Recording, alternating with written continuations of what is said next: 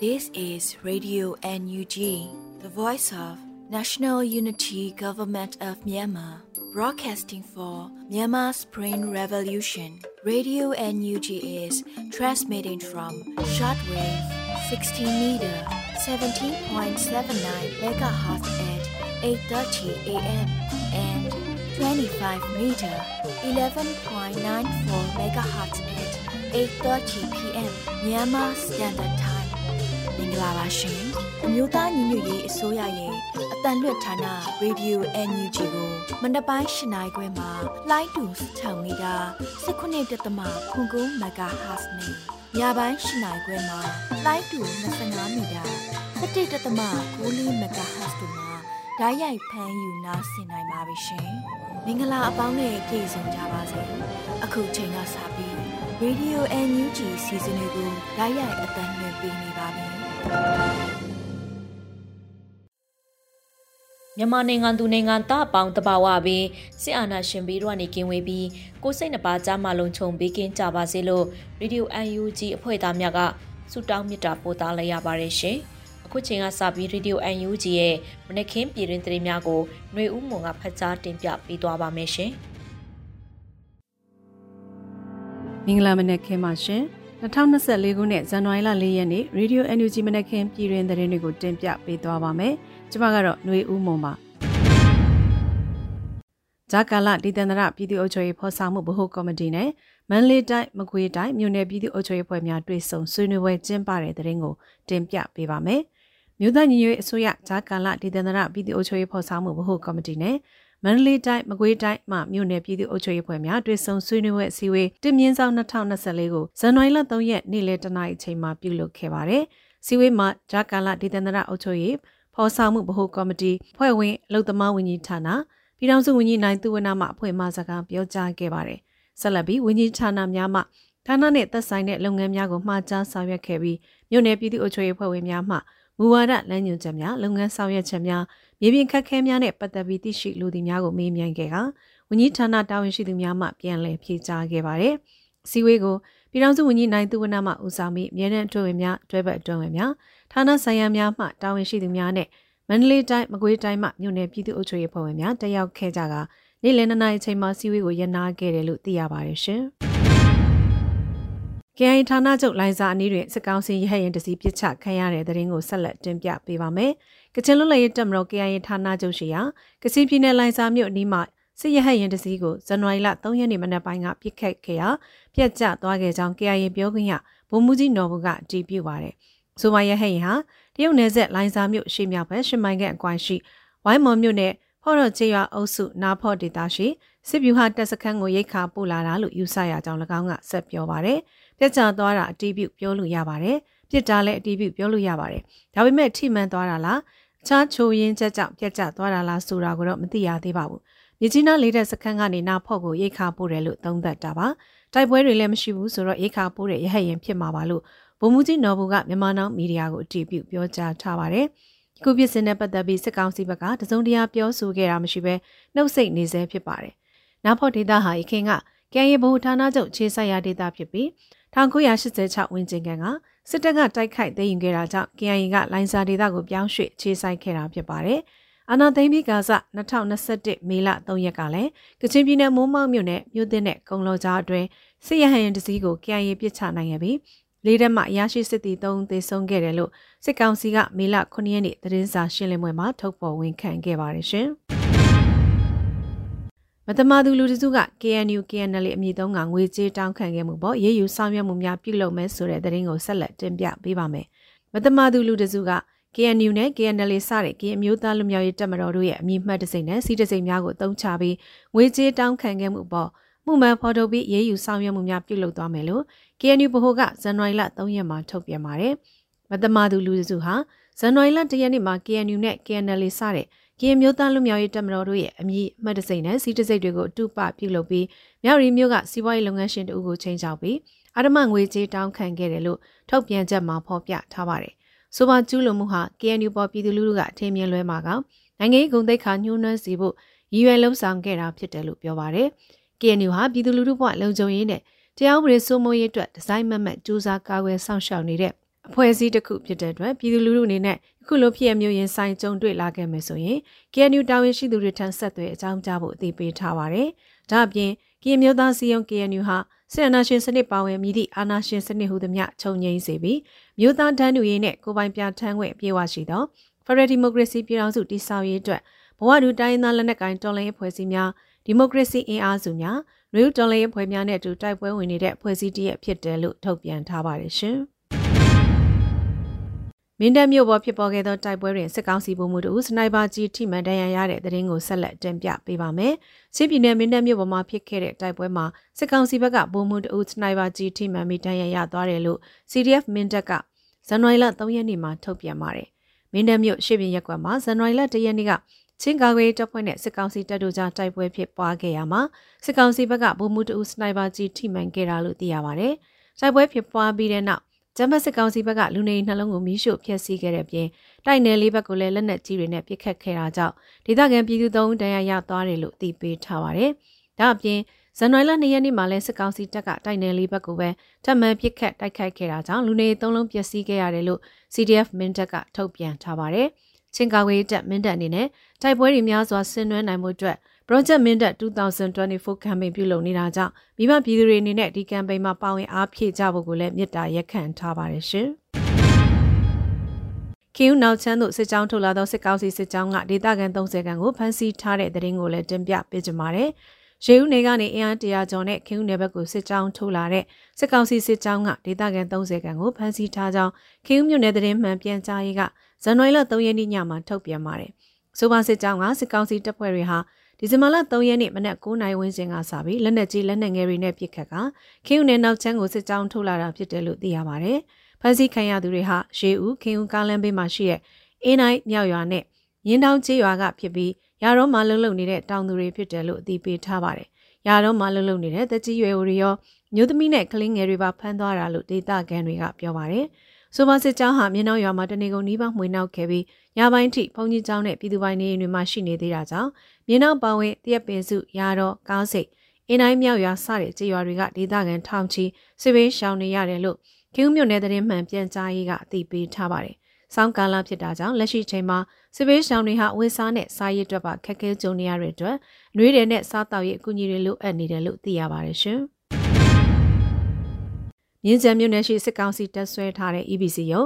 ကုတ်ကဲရဲစခန်းပါဝင်နေရာလေးခုကို drone နဲ့တိုက်ခိုက်ခဲ့ဟာစစ်ကောင်စီတပ်သား3တရရတဲ့တရင်ကိုဆက်လက်တင်ပြပေးပါမယ်။မန်လေးတိုင်းမြင်းကြံမြို့နယ်ရှိတပ်ဆွဲထားတဲ့မြို့နယ် EBC ရုံကုတ်ကဲရဲစခန်းအပါဝင်နေရာလေးခုကို drone နဲ့ပုံကျဲတိုက်ခိုက်ခဲ့ဟာစစ်ကောင်စီတပ်သား3တရရရှိခဲ့တယ်လို့မြင်းကြံ District Drone Strike Team မှအသိပေးထားပါတယ်။ဇန်နဝါရီလ1ရက်နေ့မနက်10:00နာရီဝန်းကျင်က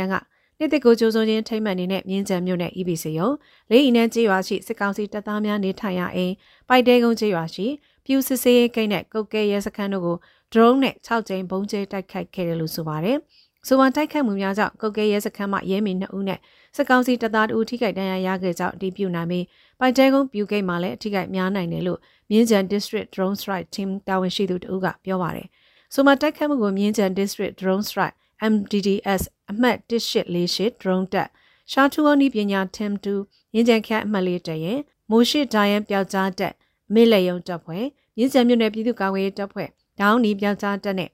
MHLG Wing မဟာမိတ်ပူးပေါင်းတပ်များပူးပေါင်းဆောင်ရွက်ခဲ့တာဖြစ်တယ်လို့သိရပါတယ်ရှင်။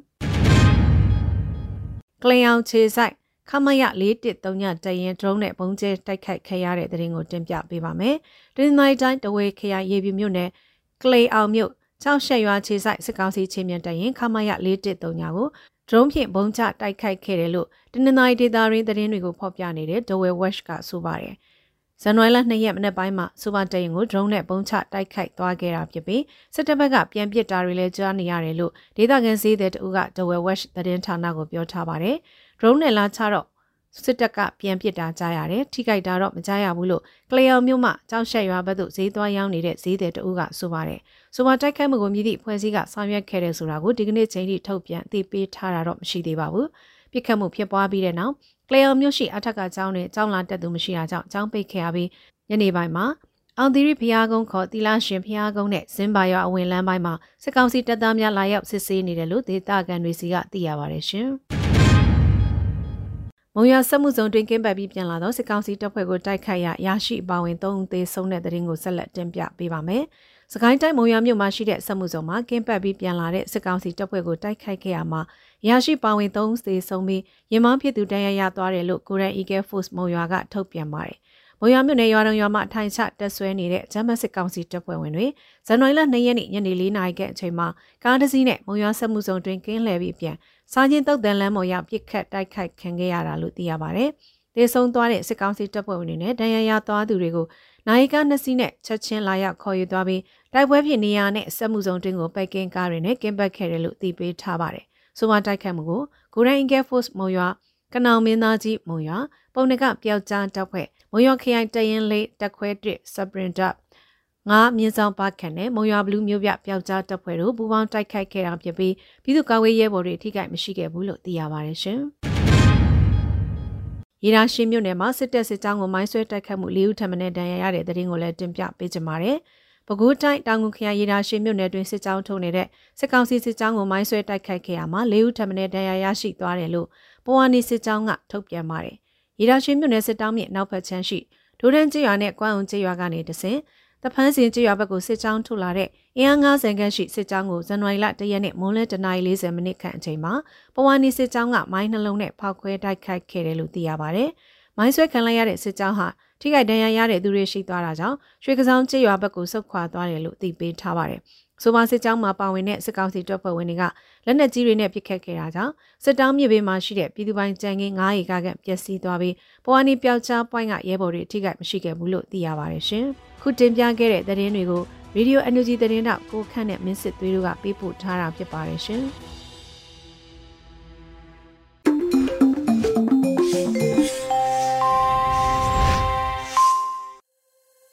မနခင်သတင်းများကိုနားဆင်ကြရတာဖြစ်ပါတယ်။ ယခုဆက်လက်ပြီးတွန်လှိုင်းကဗျာတစ်ပုဒ်ကိုနားဆင်ရဖို့ရှိပါတယ်။အောက်ချင်းမှာမစ္ဆာဂရီရေးဖွဲ့ထားတဲ့ထောက်ပို့ပေးပါဆိုတဲ့ကဗျာကိုလွတ်လပ်နေကရွတ်ဖတ်ပေးသွားပါမယ်ရှင်။ထောက်ပို့ပေးပါအဖိနှိတ်ခံဘဝနဲ့အသက်ရှင်နေရမယ်အစား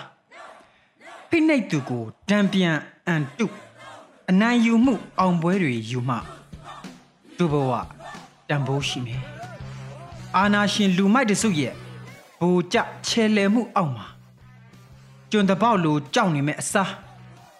ကောင်းငုံမခံတော်လှန်တိုက်ခိုက်အသက်ပေးတာမှတို့သမိုင်းလှအောင်မယ်လူလူချင်းတန်ဖိုးမထတဲ့အာနာရှင်အောက်ဒူးထောက်အရှုံးပေးမယ်စားလူတန်ဖိုးလူကုံတိတ်ခါအတွက်ရဲရဲတောက်ရှစ်ထွက်တိုက်ပွဲဝင်ခြင်းဟာဂုံတိတ်ခါပိုကြီးမာတယ် မျိုးဆက်တစ်တို့ခေတ်မှာအာနာရှင်အမြင့်ပြတ်မှရမယ်မျိုးဆက်တို့အနာဂတ်မှာအာနာရှင်မျိုးဆက်တုံးမှရမယ်တရေကောင်းတွေအစင်သင့်ရှိတယ်လုံလောက်တဲ့လက်နက်ကိုပဲထောက်ဖို့ပေးကြစမ်းပါအောက်ချင်းမှမစ္ဆာဂီရီ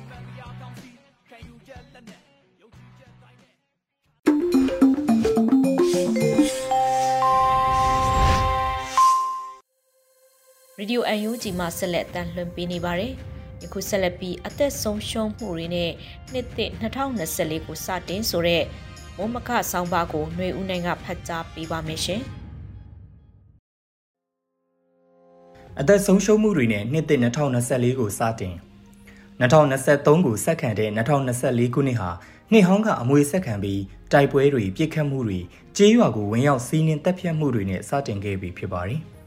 မြန်မာနိုင်ငံမြောက်ဘက်စကိုင်းတိုင်းမှာ PDF ကသိမ်းယူထားတဲ့ကောလင်းမျိုးကိုဝန်းသူအမြောက်တက်ကအမြောက်နဲ့လှမ်းပစ်ရမှာဈေးထဲကျရောက်ရမှာအနည်းဆုံး6ဦးသေဆုံးပြီး15ဦးဝန်းကျင်ဒဏ်ရာရရှိသွားတယ်လို့ VOA မြန်မာပိုင်းသတင်းမှာဖော်ပြထားတာဖြစ်ပါတယ်။နိုဝင်ဘာလကလေးက PDF တပ်ဖွဲ့တွေသိမ်းယူထားပြီး NUG လက်အောက်ကပြည်သူ့အုပ်ချုပ်ရေးအဖွဲ့နဲ့ပြည်သူ့ကာကွယ်ရေးပကဖအဖွဲ့တွေကထိန်းချုပ်ထားတဲ့ကောလင်းမြို့မှာမြို့ကန်အချို့ပြန်လည်နေထိုင်နေကြတဲ့အနေအထားမှာ ကောလင်းနဲ့အနီးဆုံးမြို့ဖြစ်တဲ့ဝန်းသူမြို့မှာရှိတဲ့စစ်ကောင်စီရဲ့အမြောက်တပ်ကလှမ်းပစ်ခတ်တာလို့ကောက်ချက်ချကြတာဖြစ်ပြီးဈေးစီကားချိန်မှာကြားရောက်ပောက်ကွဲတာဖြစ်လို့ခလင်းငယ်အပါအဝင်အရက်သားတွေအများစုတေဆုံးကြရတာလို့သတင်းထဲဖော်ပြထားပါတယ်။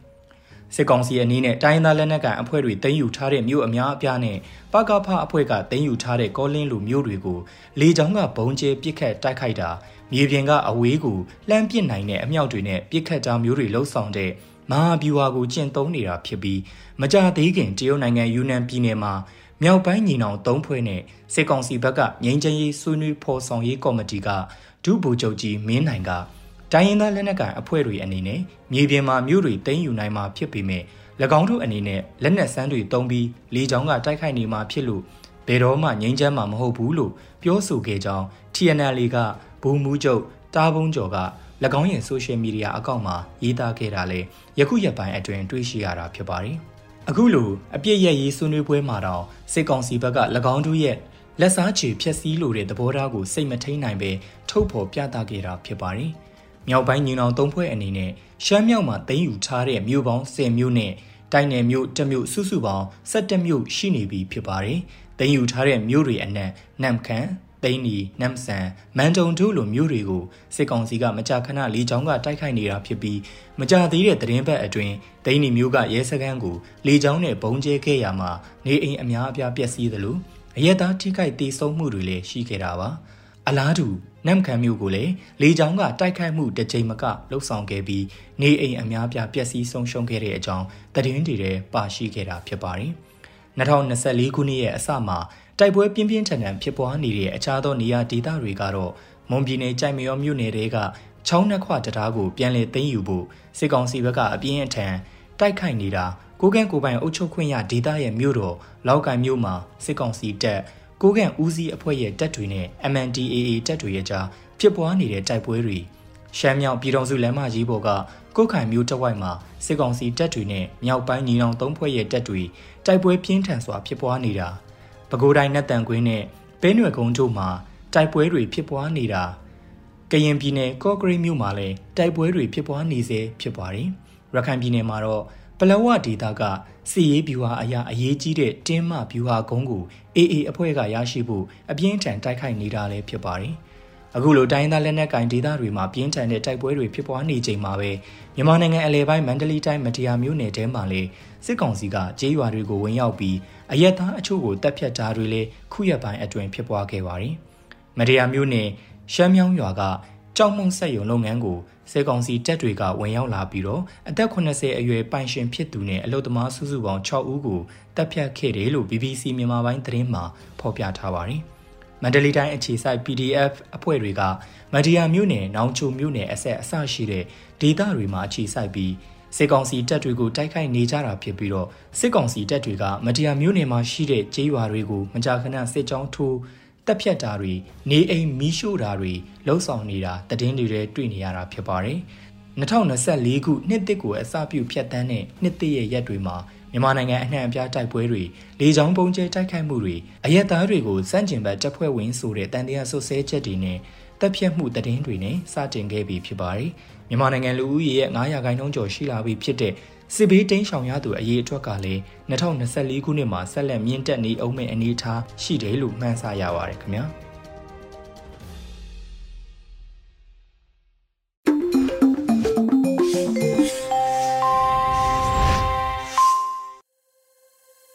ဆက်လက်ပြီး Radio UNG ရဲ့တွန်လှိုင်းတေးဂီတအစီအစဉ်ကနေ Ron El Thang ရေးသားထားပြီးဝန်ကျုံလျန်တီဆိုထားတဲ့အာတင်ထားဟေဆိုတဲ့ ဒီသချင်းကိုနားဆင်ခန်းစားကြည့်ကြရအောင်ရှင်။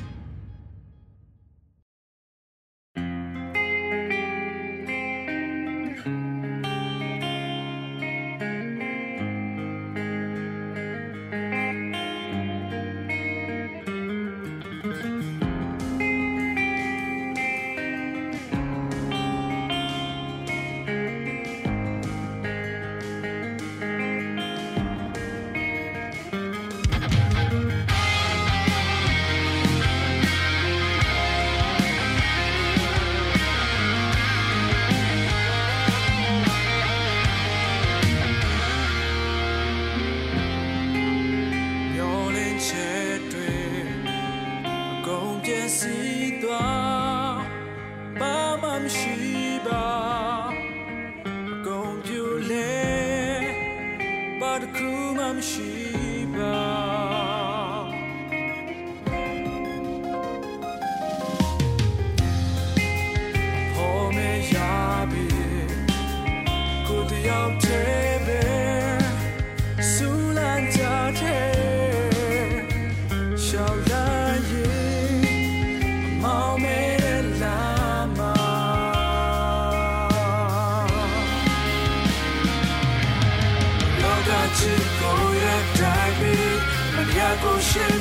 မဆွဲကို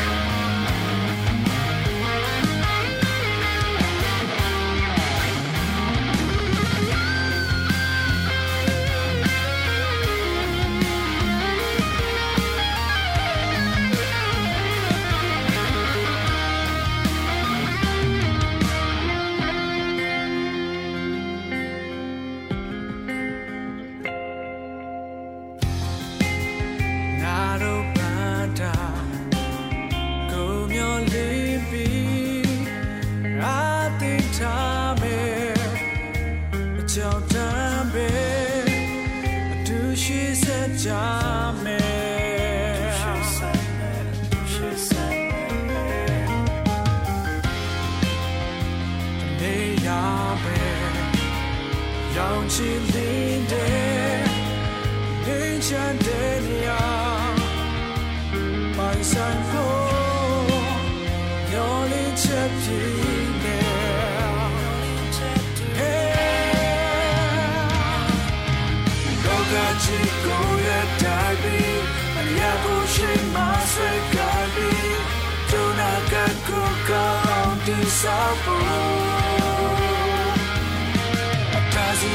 စီများစွာတိုက်ရပြီးဝါရဲ့အမှန်ကြီးတွေနဲ့နေချမ်းဖို့တွေ့စွာကိုကြောက်ချက်မေလောကကြီးကိုရတဲ့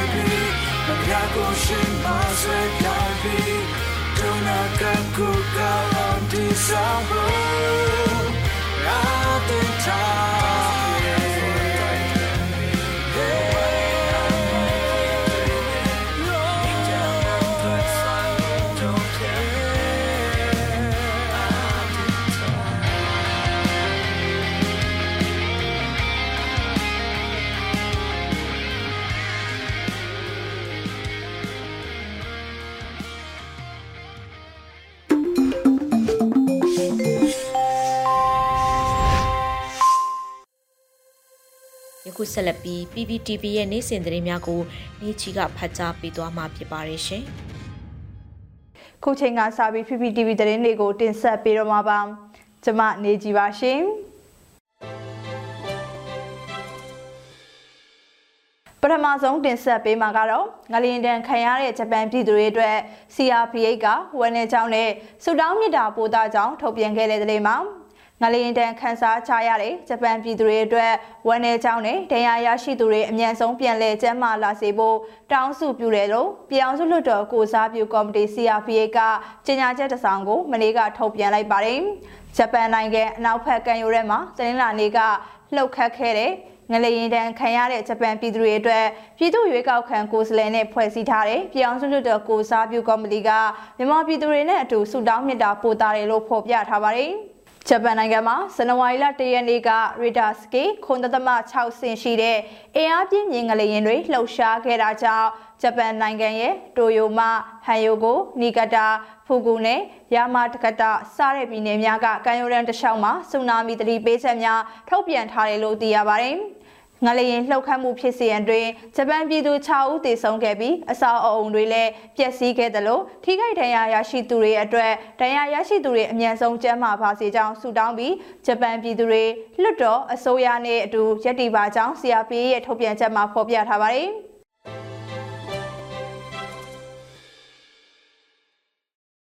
ဆဆက်လက်တင်ဆက်ပေးမှာကတော့ဆူနာမီငလျင်ကြောင့်ဂျပန်ပြည်သူတွေရဲ့အသက်အိုးအိမ်ပျက်စီးဆုံးရှုံးမှုပေါ်မြို့သားညီညွတ်ရေးဆိုရကဝန်내ကြောင့်တွန်းလွှာပေးပို့လိုက်တဲ့တဲ့မှာဂျပန်နိုင်ငံအလဲပိုင်းမှာလှုပ်ခတ်ခဲ့တဲ့ဆူနာမီငလျင်ကြောင့်ဂျပန်ပြည်သူတွေရဲ့အသက်အိုးအိမ်ဆုံးရှုံးမှုအပေါ်အမျိုးသားညီညွတ်ရေးအစိုးရကဝန်내ကြောင့်တဝင်လွှာကိုဇန်နဝါရီလ2ရက်ရက်စွဲနဲ့ပေးပို့လိုက်ပါတယ်။ တဝင်လွှာထဲမှာဂျပန်နိုင်ငံအလဲပိုင်းမှာမနေ့ကလှုပ်ခတ်ခဲ့တဲ့ငလျင်နဲ့နောက်ဆက်တွဲဆူနာမီဖြစ်နိုင်ကြောင်းသတင်းကိုကြားရတဲ့အတွက်မြို့တော်ညီညွတ်ရေးဆိုရအနေဖြင့်အထူးပင်တုံလုံးမိတယ်လို့ဖော်ပြထားပါတယ်။ငလျင်ဘေးထန်တင်ဂျပန်တိုင်းသူပြည်သားများရဲ့အသက်အိုးအိမ်များပျက်စီးဆုံးရှုံးမှုအတွက်မြို့တော်ညီညွတ်ရေးဆိုရအနေဖြင့်အထူးပင်ခြေကွဲဝန်းနေရတယ်ဆိုတာနဲ့မြန်မာပြည်သူပြည်သားများကပူဆွေးတော့ကရောက်နေရတဲ့ဂျပန်နိုင်ငံသူနိုင်ငံသားများနဲ့အတူနေထွေးစွာအတူရှိနေပါကြောင်းဂျပန်ဆိုရအားထပ်လောင်းပြောကြားရင်းတဝင်လွှာကိုပေးပို့တယ်လို့ဖော်ပြထားပါတယ်။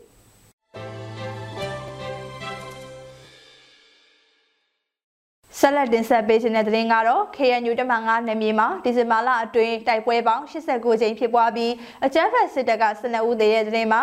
ကရင်မျိုးသားစီယုံ KNU တမန်9နယ်မြေအတွင်းမှာပြီးခဲ့တဲ့ဒီဇင်ဘာလအတွင်းအကြမ်းဖက်စစ်တပ်နဲ့ KNN တမန်9တို့ကြားတိုက်ပွဲပေါင်း89ကြိမ်ဖြစ်ပွားခဲ့ပြီးအကြမ်းဖက်စစ်တပ်က12ဦးသေက58ဦးဒဏ်ရာရရှိခဲ့တယ်လို့ KNU မူရော KNU ကမလေးကထုတ်ပြန်ခဲ့ပါတယ်။ အကြမ်းဖက်စစ်တပ်ကထိခိုက်ဒဏ်ရာရရှိသူတွေစည်ရင်းထဲမှာတက်ချက်တအူးပါဝင်နေဆိုတာနဲ့အကြမ်းဖက်စစ်တပ်ရဲ့စစ်တဲစခန်း73လုံးကိုမိရှို့ဖျက်ဆီးခဲ့တယ်လို့မြင်းလား6កောင်ကိုလည်းအရှင်ဖမ်းဆီးရမိခဲ့တယ်လို့ထုတ်ပြန်ချက်ထဲမှာဖော်ပြထားပါတယ်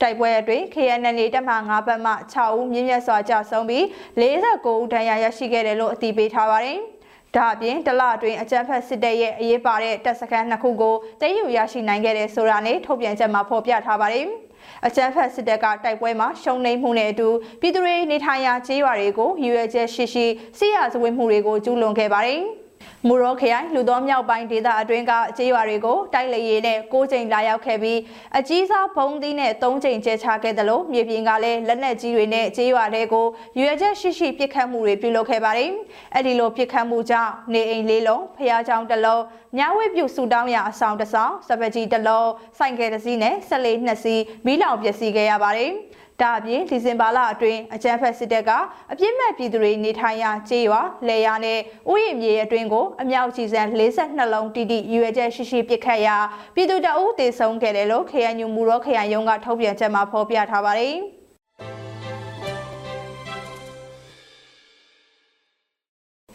ထပ်မံတင်ဆက်ပေးမှာကတော့အကြံဖက်စစ်တပ်စစ်ကြောင်းကခေဦးမြို့နယ်ကိုစစ်ကြောင်းထုတ်လာလို့ဒေသခံ2000ကျော်စစ်ပေးရှောင်နေရတဲ့တဲ့မှာ